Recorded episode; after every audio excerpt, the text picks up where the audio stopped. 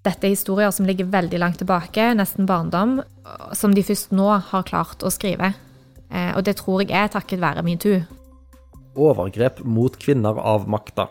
Vi skal snakke om fem nyere bøker som handler om dette på ulike måter. Bøkene vi skal snakke om, er Klubben av Matilda Gustavsson, Samtykke av Vanessa Springåra, Makta av Heidi Furre, Fra drømmehuset av Carmen Maria Macado og Jente 1983 av Linn Ullmann. Alle disse bøkene kan selvfølgelig lånes på biblioteket. Eh, og Thomas, du er jo en eh, prosjektenes mann. Eh, Ja. Leseprosjektenes mann, iallfall. Mm. Jeg vet ikke hvordan du er på privaten med hus og ja, sånn. det, det, ja. Du, Jeg lever mitt liv i prosjekter. du lever fra prosjekt til prosjekt. Jo kortere, desto bedre. Nettopp. Og dette er jo et forholdsvis lite leseprosjekt, eh, å lese bøker om overgrep mot kvinner av makta. Og hvordan starta dette? Det er vel sånn, jeg er, nesten alltid på jakt efter noe Jeg tror jeg har angst for å få for lite å gjøre. Så jeg er alltid på jakt efter noe nytt å sette i gang med. I tillegg til de vanlige arbeidsoppgavene her på biblioteket. da. Og så tror jeg, om jeg husker riktig, så tror jeg at det begynte med at eh, Jeg tror Tale og meg leste 'Samtykket' av Vanessa Springora ganske, ganske samtidig. Og så var den. Ja, og jeg har jo også sittet og snakket om den her på vår sånn interne bokprat. Og da ble det, den tanken klar at vi må, vi må lage en podkast om, om eh, overgrep i litteraturen, på en måte. Og da begynte, begynte iallfall jeg å søke opp eh, bevisst eh, bøker som handla om det samme. Og så fikk jeg den fra Drømmehuset som du snakket om. Den var det Tare som hadde lest eh, i hemmelighet eh, ganske lenge siden. Eh, og så, så da ble den også med, for den handla om litt av det samme. Eh, er du enig i den eh, karakteristikken, Tale? Det er jeg. Ja.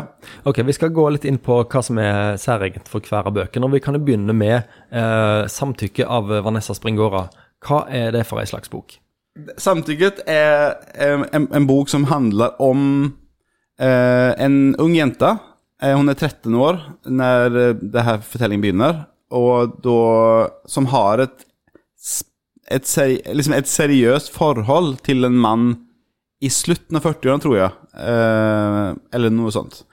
Eh, med eh, mammaen til datteren vet om dette, og hele egentlig litterære Frankrike vet om dette. Eh, han har med henne på offisielle fester. Eh, han skriver om det i bøkene sine og alt sånt. Han, og ingen som setter stopp i det, liksom. Uh, det var denne boken da den kom ut, som utløste metoo i Frankrike, som lå en, flere år etter på en måte resten av vestverden, da, med, med metoo. Men når denne boken kom så ble det satt fart i, i ting. Folk ble sånn sjokkert på en måte, selv om det hadde vært Han hadde jo skrevet om dette, og andre affærer, og han skriver også om at han drar til Asia og fyller hele sengen med åtteårige gutter som han har sex med. Og det har han skrevet om i alle år, i årtiender, og han eneste som har kjent, er at han har fått litterære priser for det, og at folk har ledd litt sånn Ja, du er jo litt kåt av deg, liksom. Det er det eneste som har skjedd med han. Hvordan forklarer Springåra i sin bok at dette kunne pågå i eh, full offentlighet, nærmest?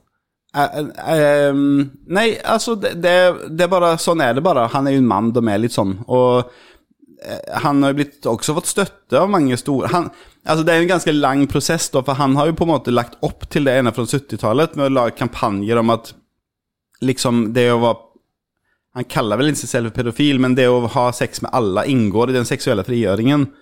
Og også det Så det ble en sånn venstresidens sak i Frankrike at eh, ingen skal sette opp regler for hvordan jeg skal leve seksuelt. Liksom. Det inngår i friheten. Og det var det han som tok initiativ til, og fikk alle de største litterære, kulturelle skikkelsene til å skrive under på sånn utrop. da, liksom at eh, Opprop. Ja.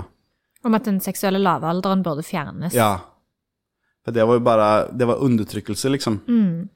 Eh, så, og det, det kan jeg si sånn som sånn, eh, sånn svepende eh, uttalelse over alle de her bøkene, som jeg lurer litt på hva, det betyr om meg selv. At det som jeg har blitt aller mest opprørt av i de her bøkene vi har lest, det er egentlig det, det der institu, institusjonaliserte misbruket, på en måte. At det, at det er At alle vet om det. Det, er, det er, verre for meg enn at én en mann er ekkel eller pervers eller ond og gjør noe forferdelig.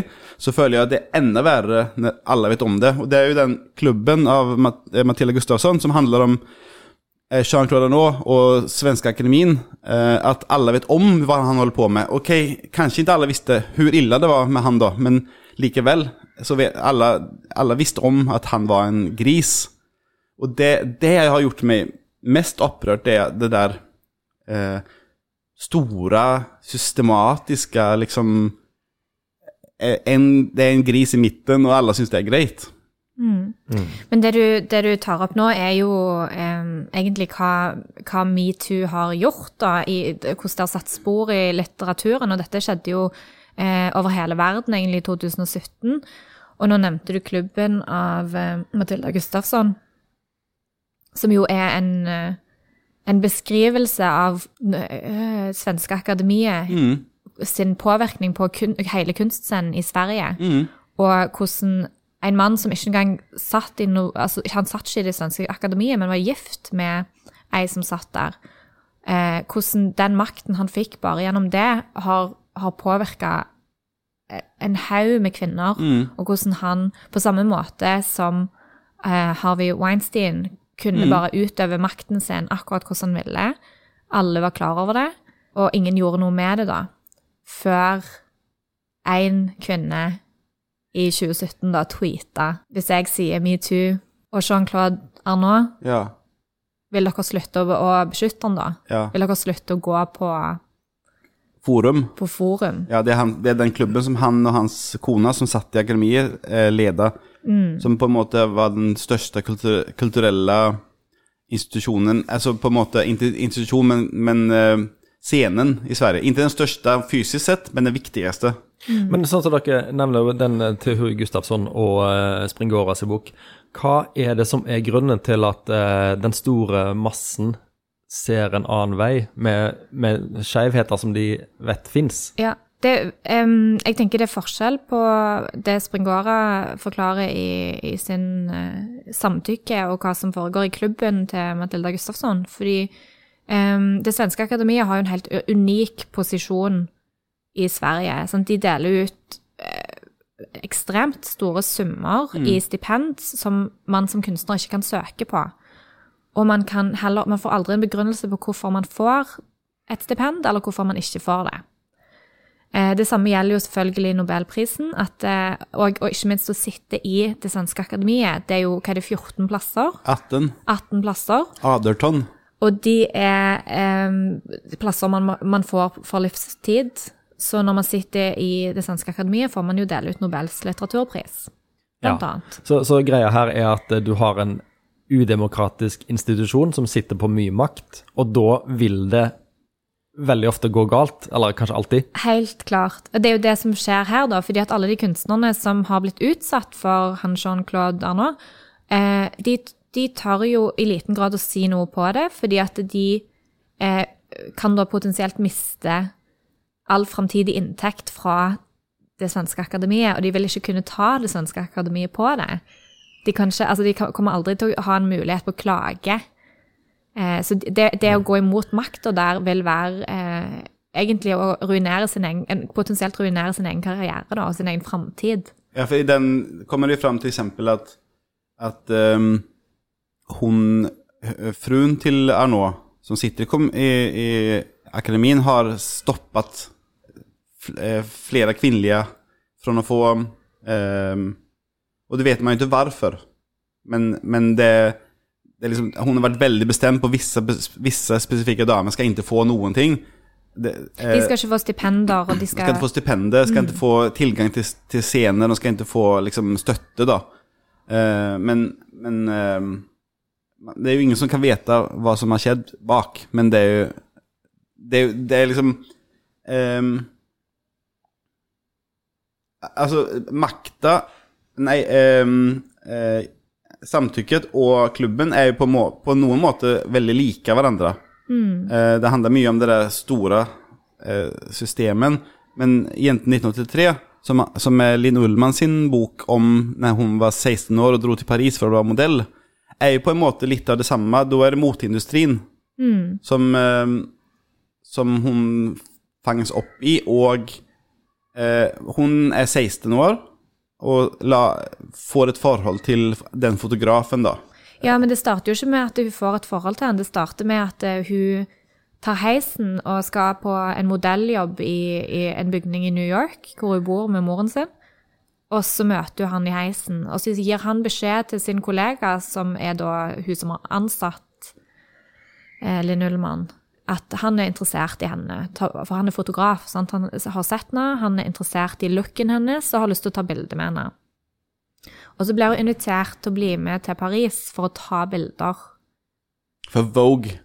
Ja, hvis det går bra, Ja. så får, skal hun få ta bilder. Ja.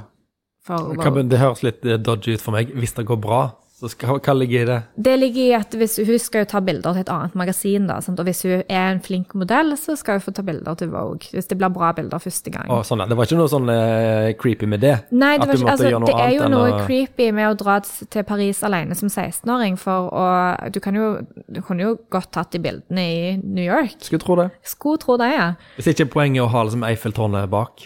Ja, det, det ble det ikke. Det var inne i et studio. Da kunne han dratt dra til Las Vegas i så fall. Ja, Men, men det er Ja, det stemmer, det. Det, det er creepy. Og, og så liksom blir hun satt på et hotell. Altså Det gjelder bare å huske hele tiden på at hun bare er 16 år. Ja. Og hvor utrolig ungt det er. Og hun ble jo altså hun ble henta på flyplassen av assistenten til han fotografen, Som også er ekkel. som også er ekkel, selvfølgelig. Alle, alle menn er ekle i disse bøkene. Um, og så kjører han henne til hotellet, og så skyndte han på henne, for hun må liksom bare hive fra seg bagasjen, for de skal rett i opptak. Sant? Så hun har sikkert tatt eh, et veldig lang flytur, hiver fra seg bagasjen, har eh, visste ikke hva hotellet het og sånn på forhånd. Og, så kjører hun rett videre, blir bare satt inn i bilen igjen, og så kommer de til studio. Og der foregår en hel arbeidsdag hvor hun bare må sitte i bakgrunnen og ikke være i veien, mens andre damer blir tatt bilde av. Og så drar de vel hjem til fotografen. Så har han tid etter mange timer til henne. Hun får ikke noe mat, hun får ikke noe hvile. 16 år gammel i en by hvor du ikke snakker språket. Og så drar de hjem til han. Ja, ah, ja så går, de, går hun, blir hun med noen, noen modeller ut på fest. Ja, for hun sier sånn 'Å, jeg er sulten, kan, du, kan vi dra tilbake til hotellet? Jeg er sulten, jeg er trøtt.' Og så sier han sånn 'Nei, men jeg skal på en middag hos en venn. Han, han er veldig Just det, viktig. sånn er det. Han er veldig viktig, vi må dra der først.' Og så drar de der, da. Eh, og der er det masse unge kvinner. Eh, sikkert under 18 år alle sammen. Og to-tre gamle menn. Eh, og disse det er, Igjen veldig tynne, høye kvinner i modellbransjen. Alt det å spise der er en haug med peanøtter. Eh, og hun vil fremdeles bare hjem, men, men må hele veien liksom holde ut da, og være der lengre. Og så går hun med, med disse jentene på fest. De vil ta henne med på fest, og det ender med at hun står på gaten klokken tre om morgenen. Eh, har ingen penger, har ikke navnet på hotellet sitt. Det eneste hun har i lommen, er navnet på Eller adressen til han her fotografen. For det har han gitt henne i løpet av kvelden. Det er det eneste han har gitt henne. er En lapp med adressen hans på. Vi, trenger ikke å si eh, alt som skjer videre i denne boka, men eh, både Springåra og Linn Ullmann beskriver jo da ting som har skjedd eh, i tenårene deres. Altså det er en tilbakeskuende bøker, så vidt jeg har skjønt. Er det noen forskjell i måten eh, Springåra og Ullmann eh, ser på de yngre versjonene av seg sjøl når det gjelder disse, disse hendelsene og det de ble utsatt for i tenårene? Um, vi, har, vi har snakket litt om det, at det er, at er en sånn felles ting blant flere bøkene er at noen ganger så har de, beskriver de på en måte som en sånn splittelse i sin egen personlighet. At de er ett menneske, men etter det her skjer, så blir de et annet menneske. Eller så skriver, eh, skriver de boken til, til seg selv eh, som ung. Eh, sånn som eh, den fra Drømmehuset, så skriver hun sånn den, Hun skriver boken Hun skriver boken til seg selv og kaller seg selv du. Eh, og for hun, hun mener at, det, at etter dette skjedde henne, det overgrepet Hun var i et forhold, og etter det skjedde, så, så deles hun opp på en måte. En sånn som er den hun var før, en eventyrjente som er liksom eh, modig og gøy, og så, mens den andre delen av henne kuttes av og blir det, det der forferdelige som hun, som hun er med om, på en måte. Og så skriver hun på en måte boken til den personen og forsøker å si at det kommer å ordne seg. Um, Men Linn Ullmann er jo eh, Det er jo, det er jo uh, ingen tvil om at han har biografiske trekk, denne jente jenten 1983. Altså I eh, biblioteksbasen vår så står han uh, sortert som biografisk fortelling slash roman. Det sier vel litt om at mange av disse bøkene er vanskelig å sjangerplassere helt. Ja. Men det høres for meg ut som det er en forskjell i livssituasjonen til Springåra og Ullmann, på en måte. Jeg går ut fra at når Linn Ullmann drar som 16-åring til Paris alene, så er det noen som sier 'er dette så lurt'? det er det. Og det Så, er jo, men ja. eh, jeg har jo noe sånn eh, dobbelthet i forhold til det, at jeg visste jo kanskje egentlig at dette ikke var det verdens smarteste ting å gjøre, men jeg var bare 16 år, så da, Ja. da tenker en ikke over alt fullt ut. Hvordan forholder hun seg til, til det i dag? Nei, altså jeg tenker jo at det, det som er litt interessant med eh, Linn Ullmann sine bøker nå, er jo altså dette er nummer to i en triologi. Eh, den første er jo De urolige. Og hun sier at det er, eh, hver bok har ett tema. Og De urolige sitt tema var minner, mens Jente 1983 sitt tema er begjær. Og den siste boken som ikke har kommet ennå, som hun skal skrive, eh, har tema raseri. Ja. Og jeg syns det er veldig interessant at denne boken har tema begjær. Ja, Er det hennes eget begjær, da, og i tilfelle etter hva? Veldig godt spørsmål, men her ser jeg jo en parallell til Vanessa Springora sin, sin fortelling da i at både um, Ullmann og Springora har vokst opp med ganske fraværende fedre. Og Ullmann beskriver det i heisen, altså hennes hovedkarakter tar heisen og blir oppdaga i heisen. Og hun sier at det hun merker allerede i den heisen, er at der, her er det en voksen mann som ser på meg med begjær. Altså, hun, hun trives i blikket til andre. Og det er jo det samme Springora forklarer helt i begynnelsen av sin, før det ble et forhold med den eldre mannen, at eh, hvor viktig det er å bli sett. Men når du går dette begjæret etter i sømmene, da, og når det utvikler seg til å gå fra liksom bare blikk til å være han seksuelle handlinger, så er det ikke like gøy lenger. For hun, Line Ullmann, i, eller i Line Ullmanns bok, da, så endrer hun opp hjemme hos ham på natten, som vi sa, første gang det skjer. Eh, og så, så står det så her, jeg siterer, at eh, når, kommer, når, jeg kommer ut fra badet har A, Hun kaller ham A, han fotografen, har A lagt seg naken i sengen? Jeg kler meg av, jeg også. Han sier ikke at jeg skal gjøre det, men jeg skjønner at det er det jeg skal. Og så et annet sted sier hun at eh, det var ikke bare å reise seg fra sengen igjen og kle på seg og gå. Ikke nå, det har gått for lang tid. Så hun føler det presset, liksom. Og så det som du snakket om, eh, det vi snakket om med fraværende far, så hun i, i, i Lundmans bok så, så får Moren er jo Liv Ullmann, en av verdens mest beundrede kvinner på denne tiden. Og hun får et eh, Linn får et brev til en, en mor, fra, fra en av morens beilere, der han har lagt et bilde av seg selv. Og det, det er ingenting ekkelt med den mannen, virker som alls. Det er bare at han har lyst til å kjenne datteren for å sikkert smiske inn seg hos moren. Men han har med et bilde, og det bildet av en mann hun kanskje har truffet en gang, henger hun opp over sengen ved siden av bildet av sin far. Og hun sier hun ser oftere på det bildet enn bildet av sin far, fordi det var så lenge siden hun traff faren at hun har sluttet å tenke på honom. Så det er en sånn gjennomgripende ting eh, at det der fraværende far liksom kan ødelegge så mye, på en måte. Eh, så jeg, jeg blir så Jeg tror, sånn bombastisk sagt, også den 'Jenten 1983' er en av de beste bøkene jeg har lest på veldig lenge. Jeg ble så oppslukt av den at jeg begynte å lese den som kom før, den, 'De urolige', eh, med en gang. Eh, som også virker veldig bra, da. Men den er, den er fantastisk bra som leseopplevelse, i tillegg til at den er interessant da, med det som skjer. Men jeg syns det de tar opp der, er jo òg noe som er ganske interessant. fordi man kan jo, altså Den seksuelle lavalderen, f.eks., den er jo i dag i Norge 16 år. Eh, I Frankrike, når eh, Vanessa Springora eh, var ung, så var den 15. Um, og det går jo an å argumentere for at det kanskje finnes det 15 eller 16 år gamle jenter der ute som, som opplever begjær og har lyst til å ha et forhold, og eh, eh, på en måte Skal ikke de få lov da, til å ha et forhold til en eldre person, så lenge det er deres eget valg. Og tittelen på Vanessa Springård sin bok 'Samtykke' jeg spiller jo på det. Er man egentlig i stand til å gi samtykke når man er så ung? Og det føler jeg jo at både Linn Ullmann og Vanessa Springora setter spørsmålstegn ved, gjennom å reflektere over de opplevelsene de hadde når de var unge.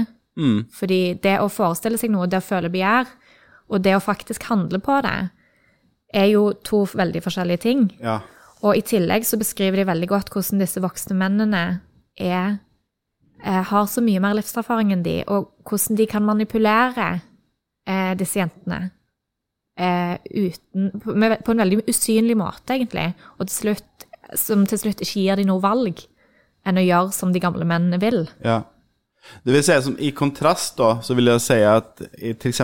i klubben så er det ingenting subtilt eller eh, ehm, i smyg det, så, så, hur han oppfører seg. Han går jo bare rett opp til folk og tar på dem mens hans fru og andre ser på. Og det er det han, det, han tenner på det tror jeg. Altså, det det, hele hans greie det. Og det viser seg i slutten av klubben at det, det har vært en beskyttelse for han at han gjør sånn. Fordi da tror folk, in, då, folk tror at det, det, det er det verste som skjer. At han klår på, på jenter eller damer.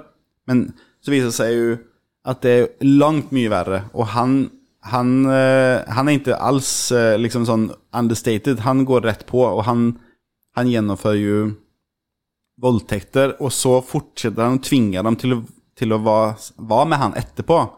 Han, han er så intens at selv om de som han har voldtatt, fortsetter han holde, holde inn til seg gjennom utpressing eller bare ren eh, intensitet, liksom.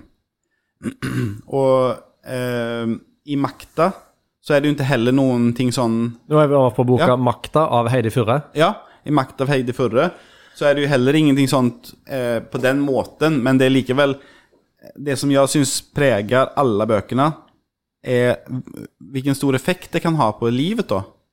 Eh, at, sånn som du snakket om, at det er et blikk tilbake.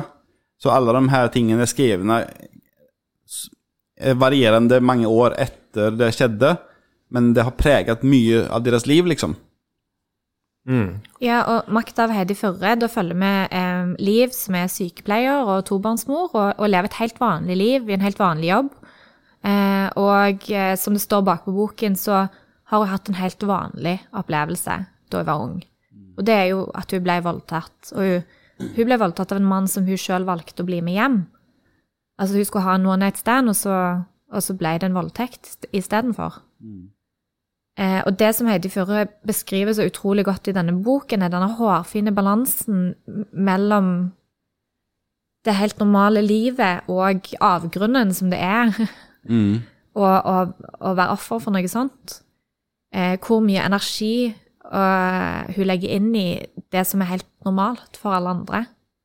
Dette er den, de- den makta Heidi Furre er den boken som jeg har vanskeligst for å, for å snakke om på en måte, fordi den er, den er sånn en roman på den vanlige måten mer enn de andre, og den eh, for, for til eksempel Drø- Fra drømmehuset er jo også en roman, men der får du vite med en gang hva som skjer, og altså, der er ingenting, ingenting som kan spoiles, men makta er mer sånn vet- Vi kan ikke snakke om hvordan det går, på en måte, men hun har en sånn finurlig måte å skrive på som gjør at det er litt morsomt midt i alt det helt forferdelige, da. Liksom. Sånn som, eller morsomt er kanskje feil ord, men ja, sånn finurlig. Hun sier sånn eh, eh, Hun sitter på en middag, tror jeg. Jeg husker ikke helt. Men hun sitter på en middag, så, s- og så eh, snakker hun om så og så mange, så stor del, andel av me- mennesker har liksom vært voldtatt. Og så skriver hun sånn Det blir en morsom selskapslek. Hvem rundt dette bordet er blitt voldtatt? Alle må sitte helt stille, ikke avsløre seg. Noen smiler. I dette tilfellet er det meg. Det er jo morsomt skrevet, liksom, liksom, men det, det hun skriver om, er jo helt, helt forferdelig, på en måte. Uh, og så sier hun også sånn Om jeg fikk velge mellom å voldta eller å være voldtatt, velger jeg det siste. Det er mer synd på ham enn på meg. Men det er på en måte når hun begynner å komme litt på oversiden, kan man si. Um, og så også med henne så er det også en sånn interessant En interessant eh, refleksjon hun gjør med skyld og ikke skyld, og, og liksom Hvor mye motstand skal man gjøre? Altså Hun sier sånn var det hennes ansvar, tror jag på ansvar i det här sammanhanget, så skrev hon sån, jag- hadde gått, gått upp, det var, det var hon som var ute på en dejt och skulle eh, liksom mer, jag vet inte om hon hade bestämt sig för att ligga med honom, men hon, hon, hon gick med honom hem liksom. Och så stod, jag hade gått upp redan eneste trappan till en cell. Det var så många ögonblick jag kunde ha snudd, men jag gjorde inte det. Det som jag trodde på ansvar kunde jag ha stoppat det. Det som jag trodde på det tillfälliga var allt utanför min kontroll. Då kunne alt skje hele tiden. Om det var slik kunne jeg gå fritt gjennom natten, men slik var det jo ikke. Og det måtte jo bety at jeg trodde på ansvar. Og da legger hun på en måte ansvar hos seg selv da. Og det syns jeg er veldig, det er veldig eh, intelligent og reflektert skrevet, og det gjør at den boken er eh, veldig bra. Eh, den begynner veldig bra, og så føl følte jeg at det var en sånn dupp i midten, men den, den avsluttes veldig stimulerende for min del. Jeg er veldig fornøyd med, med liksom, de refleksjonene. Men det du eh, spurte om om sånn samfunnsstrukturer, Åsmund, eh, det syns jeg jo at eh, hovedpersonen Liv i, i makta av Heide Furre òg beskriver veldig godt. For hun, hun samtaler med en venninne som òg har blitt voldtatt, om voldtekt. Og det er første gang hun åpner seg om temaet. Og, og i de samtalene så reflekterer hun f.eks. over det at hun har barn, og at voldtekten påvirker hvordan hun oppdrar barna sine. Fordi hun har en datter, og hun har en sønn. Og hun tenker mye på at datteren, hun og hennes venninner, de kommer antageligvis til å oppleve voldtekt, iallfall én av de. Eh, og hvordan skal hun oppdra datteren til å, å likevel klare å gå gjennom livet? Og allikevel være en fri person, selv om noe sånn kanskje kan skje med deg. Og samtidig så tenker hun hvordan skal jeg oppdra sønnen min? For han er på en måte min nye sjanse. Hun skal oppdra en sønn som ikke blir en voldtektsmann. Og det er jo helt enormt ansvar å ta på seg sjøl. Eh, og det, det tenker jeg òg viser noe om samfunnsstrukturene, da, som legger veldig mye av ansvaret over på offeret. sant? At det, det, selv om du får psykologisk hjelp og eh, til og med hvis du skulle anmeldt og, og fått en dom mot voldtektsmannen din, så er det, en, en veldig, det er veldig mye som ligger på deg sjøl, da. Det er en erfaring som, som virkelig preger deg, og det, det syns jeg er styrken til denne boken. At eh, hun, hun beskriver så utrolig empatisk hvordan, hvor mye arbeid det er. Mm. Eh, hun skriver også eh, Når hun er sammen med den venninnen som er, den hun snakker dypest med på en måte, så, så går de på sånn ett sted, og så de snakker snackar om det, hur mange som er voldtatt. Og så snur de på det, og så, så sier de, hvor mange voldtektsmenn da? Ehm, sier hun andre, men jeg vet ikke hva jeg skal se etter. Kanskje skal snu blikket der, finne ut hvem de er, og hvordan de ble slik. At du legger over ansvaret der, ikke at jenter må ha altså som Hun sier sånn at hun har alltid vært så flink i sitt liv. Eh, Hun har alltid gått på rett sted. hun har liksom kjøpt pepperspray når hun, eh, når hun var ung, og så føler hun at alt er bortkasta. Hun har gjort alt riktig, men likevel blir hun voldtatt, på en måte. Men vi må få ansvaret vekk. Det er, det er ikke der ansvaret ligger, eller sant? Det ligger hos den som gjør det, ikke hos den som blir utsatt for det. Mm. Vi må gå videre til den femte boka som vi ikke har snakket så mye om til nå. Er det den som heter Fra drømmehuset? Og dette er en litt annerledes overgrepsfortelling, eh, har jeg skjønt. Ja. Det er jo eh, Det er jo òg en selvbiografisk eh, roman eh, skrevet av eh, Carmen Maria Macardo.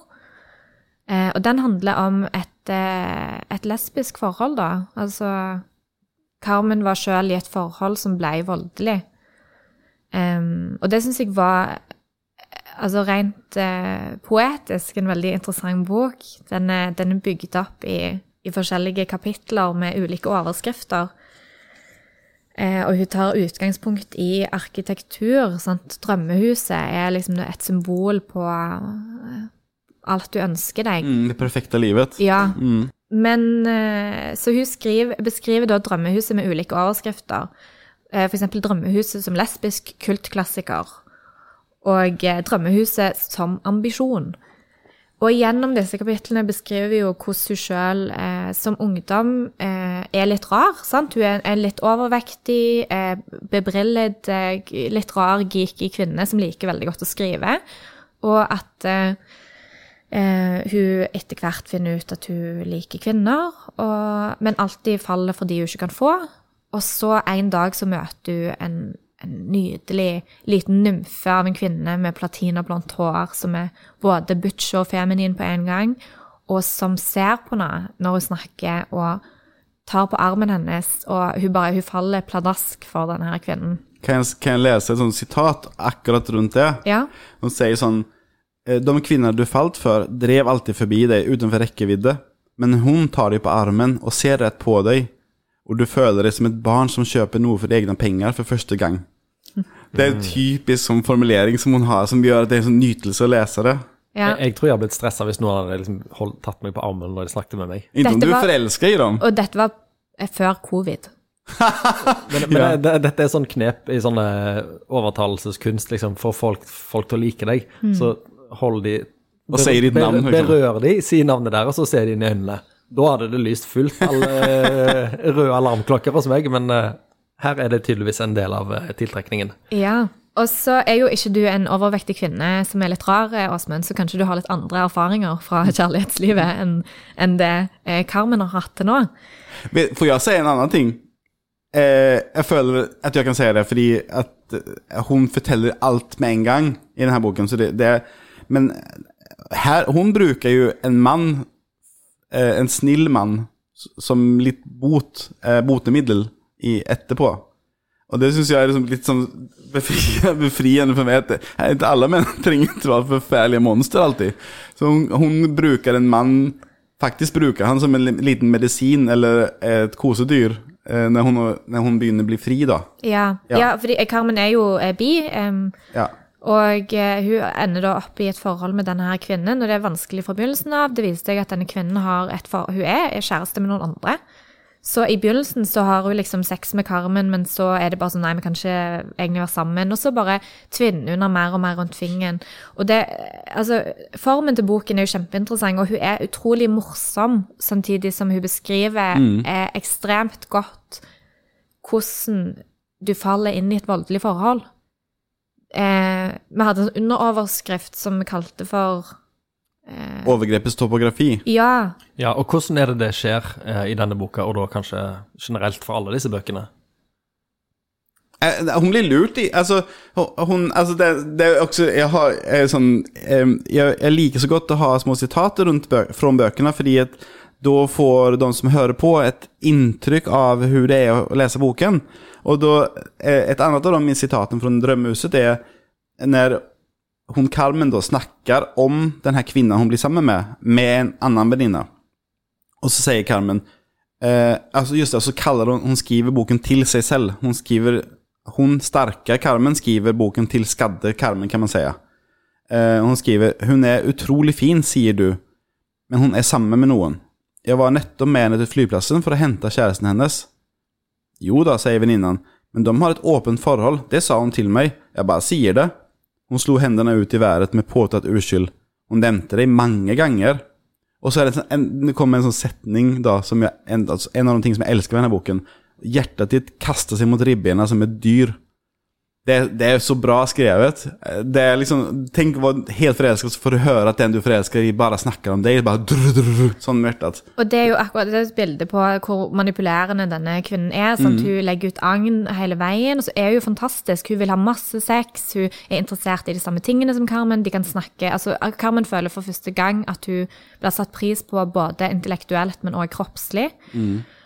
Og det tar jo tid før de stygge sidene begynner å komme fram. Og, og I begynnelsen er det vel mye i, i samband med alkohol, er det ikke sånn? At det blir utløst av alkohol, men etter hvert så blir det bare hele tiden, nesten. Ja, og sant, i begynnelsen så er det som de kjører bil, og så kjører altfor fort, og så blir Carmen veldig stressa, og så eh, pu- altså punkterer dekket når de er på ferie, sånn de kjører. Altså, og, så det er bare liksom sånn Hun gjør Hun spreng, Eller hun dytter grensene litt og litt og litt, og, og ja, det er sånn man blir vikla inn i det, da, for det er veldig mye Hun gjør, hun, kjæresten gjør noe fælt, og så sier hun veldig unnskyld, og så blir- begynner hun å grine, så blir hun helt knust, så ender det opp med at Carmen må trøste hun. Det er en ting som går igjen også i den uh, samtykket, at uh, hun 13-årige, 14-årige jenten eh, må trøste han ekle, gamle mannen. Hun må kose han og gi han trøst. eh, og det er sånn det, det virker som at det er en sånn Jeg vet ikke om det er et bevisst knep, men det virker som det henger sammen her. For han Arnault også er sånn som du hele tiden må passe på å gi bekreftelse til. Eh, og det virker som at de, de er fullstendig overlegne, men så, så liksom manipulerer situasjonen sånn at den andre personen føler at de må gi støtte til sin egen overgripere. Ja. Eh, Når dere har snakket om disse bøkene nå, så høres det for meg ut som at eh, et, eh, sent- en sentral drivkraft for alt, alt dette skjer, kanskje unntatt i, i makta av Heidi Fure, er at noen går inn i et forhold eh, og er underlegne på den måten at de eller at de, de trenger et eller annet ut av det. At noen, noen har en sterk posisjon. Altså enten de eh, Fordi de svenske kunstnerne trenger pengene til akademiet, så, så godtar de liksom at det er mye galt som skjer. Fordi hun, eh, en jente 1983 vil bli modell, så, så underkaster hun seg alt mulig som hun ikke burde gjort. Eller, eller i, i samtykke, hvor hun da åpenbart mangler en farsfigur. Eh, så blir denne gamle gubben en slags eh, eh, erstatning eller en eh, slags redningsplanke der. Altså, Jeg vil bare si da eh, at når det gjelder klubben, så er det ikke så enkelt. Fordi jeg føler at han har en slags radar for hvem som er sårbar. Og det er jo ikke sånn at alle kunstnere i Sverige har, har vært med han. Eller alle kvinnelige kunstnere har det vært med han. Det håper jeg virkelig ikke. Sant? Det er ikke sånn det er. Det er han, de personene her har en slags radar for å finne de sårbare og utnytte det maksimalt. Han, nå, han har jo masse affærer sånn, der han bare tvinger seg til eh, kortvarig sex, men han også har sånn dame som han plasserer eh, i leiligheter eller sånn, og som han bryter ned psykisk. En dame som, som de, det er jo, eh, Klubben er en sånn eh, en veldig fin miks av eh, journalistiske eh, anteckningar kan man säga og så personlige eh, levnadsfortellinger av de, de 18 kvinnene som gikk ut offisielt da, og vittnade mot Arnault. Og en av dem som forteller er eh, hur hon blir liksom dratt inn i et forhold. Og, og da tenker hun sånn, Kanskje han kan betale min leilighet, liksom, For hun, hun kan tenke seg å være med han liksom sånn, litt lite grann sådär. Eh, men så, så bryter hun, bryts hun ned psykisk av det her forholdet. Og så ser hun at det er vanlig i kretsen rundt runt nå at hans vänner tar over da, hans eh, kjæreste når han er trøtt på dem. Så, tar, så da tenker hun at en vei For hun vil ikke leve lenger. Og en vei ut av det forholdet är, tänker hun, å bli avhenda til en av hans venner, og så Jeg vet ikke om hun planlegger å ta livet av seg, Men hun er så ødelagt at hun klarer ikke ens å komme seg ut av det, selv om hun forstår at, att, det, at att det er det verste som skjedde, liksom. Ja. Men eh, jeg er jo enig i at det handler mye om sårbarhet, og det, det gjør det vel i, ja, i alle romanene, kanskje bortsett fra 'Makt' av Heidi Førre. Eh, det er jo derfor Carmen antageligvis faller for denne kvinnen i, fra drømmehuset. Eh, Det høres ut som hun har mye dårlig bagasje med tanke på selvbilde og eh, Ja. erfaringer. sant? så, men jeg er jo veldig opptatt av at vi ikke skal si at det er jo ikke deres feil. Det er jo ikke disse Nei, det er omvendt. Det er omvendt. Det, Det, det, folk må få lov å være sårbare uten å Ja. bli voldtatt. Sant? Og vi kan ikke ha et sånt samfunn at alle skal være roboter som, som, som vet, ser alle farer på forhånd. Sant. Sant? Ja, og ikke, men jeg syns at eh, Heidi Furre- beskriver veldig godt i makta at eh, hovedpersonen Liv, hun, etter den voldtekten, så kan hun se det på folk. Hun ser på folk som har blitt voldtatt. Hun kjenner igjen, liksom, uansett hva alder og uansett hvem det er, hva setting, så kan hun se, Ja. se det i ansiktet til som, eh, andre. det er akkurat som et slør som blir trukket vekk fra øynene hennes når Ja. hun har blitt utsatt for det. Og det- ja, og det der med én av ti eh, har blitt voldtatt, det nevnes opptil flere ganger. Sant. Sånn at det sitter igjen når du har lest denne boka. Absolutt. Og det tenker jeg at det har nok det omvendte òg for eh, disse eh, ødelagte voldtektsmennene der ute. At eh, de ser nok sårbarhet på samme måte som eh, Liv nå kan se de voldtatte. At de har et eget blikk for de som de kan utnytte på den måten.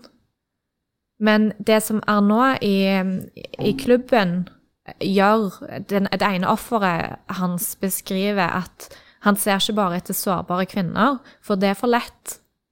Det må være kombinasjonen av sårbarhet og ambisjon. Å ja, stemmer. Ja. Så du har det der at en vil ha et eller annet eh, gode, om det er materielt eller, eh, eller eh, psykisk, og da er du allerede på en måte litt sånn eh, på, på, eh, på tynn is. Jeg husker ikke akkurat sitatet, men det er Jeg tror det er i Handmaid's Tale, eh, Margaret Atwood, så står det at eh, et behov er et svakt punkt. Har du et behov, så er du gjerne villig til å, å strekke deg lenger enn du burde gjort eh, for å få det. Og det, det han utnytter maksimalt, han nå da. Eh, men som du nevnte, Thomas, så er jo Arnaud sin, sine overgrep er jo så mangefasetterte. Dette gjelder jo de kvinnene som han virkelig bryter, bryter ned til grunnen. Mens det er jo en haug av, av kvinnelige forfattere som har vært utsatt for å bare liksom få hånda hans opp i skrittet mm. på en fest. Og når, det her, når den här eh, tingen utløste seg da i Sverige så, så gikk jo hun Sara Danius, ut med en sånn pressmelding om... Og der sa hun at eh, vi, har, vi har forstått det sånn og sånn, at eh, han har misbrukt eh, kvinner. Men også her i Svenske Akademiet så har, har ehm, eh, døttrar og ektefeller til akademimedlemmer eh, vært med om dette. Og det ble en sånn sjokkbølge i Sverige, men også i akademiet, for de, ikke, de visste ikke at hun skulle si det offentlig. Um, Hvem er Sara Danius? Sara Danius er hun som var sjef i Svenske Akademiet på den tiden, og som ble avsatt av uh, de ekle mennene som var venner til Arnaud. Og hun er nå uh, siden dess dødt av kreft.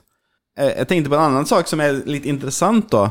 Eh, når vi snakker om det med sårbare kvinner og eh, hva er det som skjer, så sier hun eh, Carmen i, i eh, Drømmehuset skriver om det eh, hva, hva som er grunnen til at hun blir tiltrukket kanskje av den her farlige kvinnen. da. Så skriver hun sånn eh, Faktum er at folk bosetter seg nær vulkaner fordi jorden der er sjeldent rik, full av næringsstoffer fra asken. På dette farlige stedet er fruktene søtere, avlingene høyere, blomstene mer strålende, grøden rikere. Det er en uh, utrolig bra metafor. At uh, vi blir, blir tiltrukket av litt sånn uh, fare òg, sant? Ja. Altså alle som har hatt barn på skolen, vet jo at det er alltid noen elever i hver klasse som det er mye sånn eh, bråk og halloi og intriger med. Ja. Men de har gjerne mange venner. Ja. For det er spennende å være i nærheten av de som bare Det skjer så mye. Og om man får være på innsiden, liksom. Om Ja, man får, ja. ja, så vi blir jo liksom dratt mot de der eh, kraftsentrumene av positiv og negativ energi. Det vi er jo ikke sånn at vi liksom går med et skjema og ser på pluss og minus. Nei, her var det mye på minusen, du. Her snakkes. Nei da, da Å, mm, interessant. Ok, til slutt. Um, alle de fem bøkene vi har snakket om i dag, er skrevet av kvinner. Er det tilfeldig? Må en være kvinne for å kunne ha et så godt og relevant blikk på dette temaet? Tale, du får snakke først her. Okay. Ja, vi har jo snakket litt om dette på forhånd, Thomas og jeg. Og jeg tenker jo at eh, her er det jo viktig å se at eh, alle disse bøkene tror jeg, eh, eller de fleste av de har, har oppstått i kjølvannet av metoo. Og det var jo en bevegelse for kvinner, av kvinner. Eh, Det betyr selvfølgelig ikke at det ikke finnes menn der ute som har vært utsatt for de samme personene og mekanismene. Eh, Men jeg tror at det var metoo som tillot kvinner å endelig skrive disse historiene. Og det syns jeg er veldig tydelig både med Vanessa Springora og med Linn Ullmann. At mm. dette er historier som ligger veldig langt tilbake, nesten barndom, eh, som de først nå har klart å skrive. Eh, og det tror jeg er takket være metoo. Eh, så tror jeg at eh, det kan godt være at det, denne Eh, Jeg tror ikke at det, det er bare kvinner som kan skrive disse historiene, men de skriver jo selvfølgelig fra en kvinnelig erfaring, og, og det er klart at det er eh, mer Altså, man er mer sårbar som kvinne. Ah, Denne voldtektsstatistikken er jo eh, mye høyere for kvinner. Eh, men jeg er nysgjerrig på og tror kanskje at det vil komme noe lignende for menn, Ja, men fram i tid. Ja. Jeg vil bare si at jeg, tror, jeg er helt enig med deg, og jeg tror at eh, eller jeg vet at män som också varit med om det samme, har følt att de hade inte lust att skriva metoo. Eh, så när det begynte så blev det den hashtaggen och de hade inte lust att skriva det fordi att det här var faktiskt någonting som var för kvinnorna. Det blir lite av det samma sak som, som Black Lives Matter i USA. Att selvfølgelig så, så, så er alle människor viktige, men den, i denne sammenhengen så var det viktig å framheve denne ekstra sårbare gruppen. Og det syns jeg er selve grejen med, med metoo då. Men, men eh, hvor stor del av eh, bildet her er det sjølbiografiske? Altså, det, Gir det på en måte disse bøkene en, eh, en ekstra tyngde og en ekstra eh, troverdighet som en ikke hadde fått hvis en hadde skrevet det som en ren fiksjon av noen som ikke, ikke hadde disse erfaringene fra eget liv i det hele tatt? Det tror jeg jo stemmer. Det, det, det er liksom vitnesbyrd som gir det en, en tyngde som det ikke ville hatt ellers. Men de bøkene er jo en kombinasjon. Altså, du har Vanessa Springora sin roman som egentlig er eh, Altså tematisk, hvis vi ikke ser vekk fra språk og, og refleksjoner i romanene, så er jo tematisk eh, samtykke ganske lik som deler av Jente 1983. Så har du klubben som er sakprosa, og, og samtykke også sakprosa, mens Jente 1983 er en roman. Og det, det tror jeg handler om bare forskjellige måter å bearbeide dette på. De er, är, de er, veldig svepende. Altså, de, ligger, alle de her bøkene er for det første utrolig bra og ligger precis på skillet. Liksom. De kunne vært ute som begge, egentlig mange av dem. Men, Og, det, og det, man leser dem, syns jeg, da, på samme måte. Ja, og jeg tenker at det, bare den formen det han havner i, er, er forfatterens verktøy for å snakke om sin opplevelse. Jeg, jeg, som en sånn ting som jeg Alltså, eh, Når vi snackar, varje gång boken snakker om så jeg så säger jag, tänker jag så den, denne var dritbra, denne boken var så bra. Men, men alle bøkene er så bra. Og vi snakket her om det talet så sa jeg at dette har vært en, av de beste sånn, reading streaksene i mitt liv. For varit, alla böckerna har vært så intelligente og reflekterende og, og spennende å lese. Men klubben er unik på den måten at den er, det er mange kvinner som forteller sin fortelling i jeg-fortellingsform, liksom. Og, og så reflekterer Mathilde Gustafsson rundt den, og som, noe av det som gjør den så fin, er at hun, forfatteren, er til stede og er veldig sårbar. Hun snakker ikke om personlige eh, eh, overgrepserfaringer, men hun er veldig sårbar i denne situasjonen, for hun er jo i en forferdelig vanskelig situasjon der hun står midt i, liksom. Eh, og så er, er hun tydelig veldig intelligent og reflekterer rundt alt hun får lære seg. Og, og så er det sånn at den der eh, greien at om en kvinne blir voldtatt, så er livet ødelagt for alltid, så skriver hun ganske langt om hva det kommer ifra. Og det handler om ærbarhet, og allerede fra Bibelen liksom at om du, du Det må være tydelig for alle at du gjorde veldig mye motstand mot det her. Om du ikke gjorde det, så var du ikke en ærbar kvinne. Og grunnen til at, man, at kvinner ble så, i teorien, ble så fullstendig ødelagt av en voldtekt, er at fordi de var ærbare. Eh, og derfor så var det viktig at de ble knust av, det som hadde skjedd mot deres vilje. da.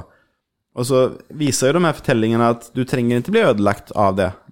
Du, du kan gå videre, liksom, men den, den, der, den der tunge tingen som kommer med voldtekt, er noe som blir tredd, tredd ned over skallen på dem, som, og da må de slite med det i tillegg, liksom. Kom Kommer disse bøkene og denne bølgen med bøker om, om dette temaet til å forandre på ting? Det har gjort det. Det har gjort det. Ja. Så vi kommer ikke til å lese eh, på en måte barndomsskildringer fra 2022 om, om 30 år av den neste eh, Vanessa Springård eller Linn Ullmann. Altså, har, har verden flytta seg siden, eh, eh, siden de opplevelsene som Ullmann og Springård f.eks. skriver om, eller eh, Matilda Gustavsson? Ja. Altså, i, i, I Mathilde Gustavsson og Springora sitt fall så har jo begge to utløst en, en samfunnsendring som jeg tror forandrer ting, faktisk.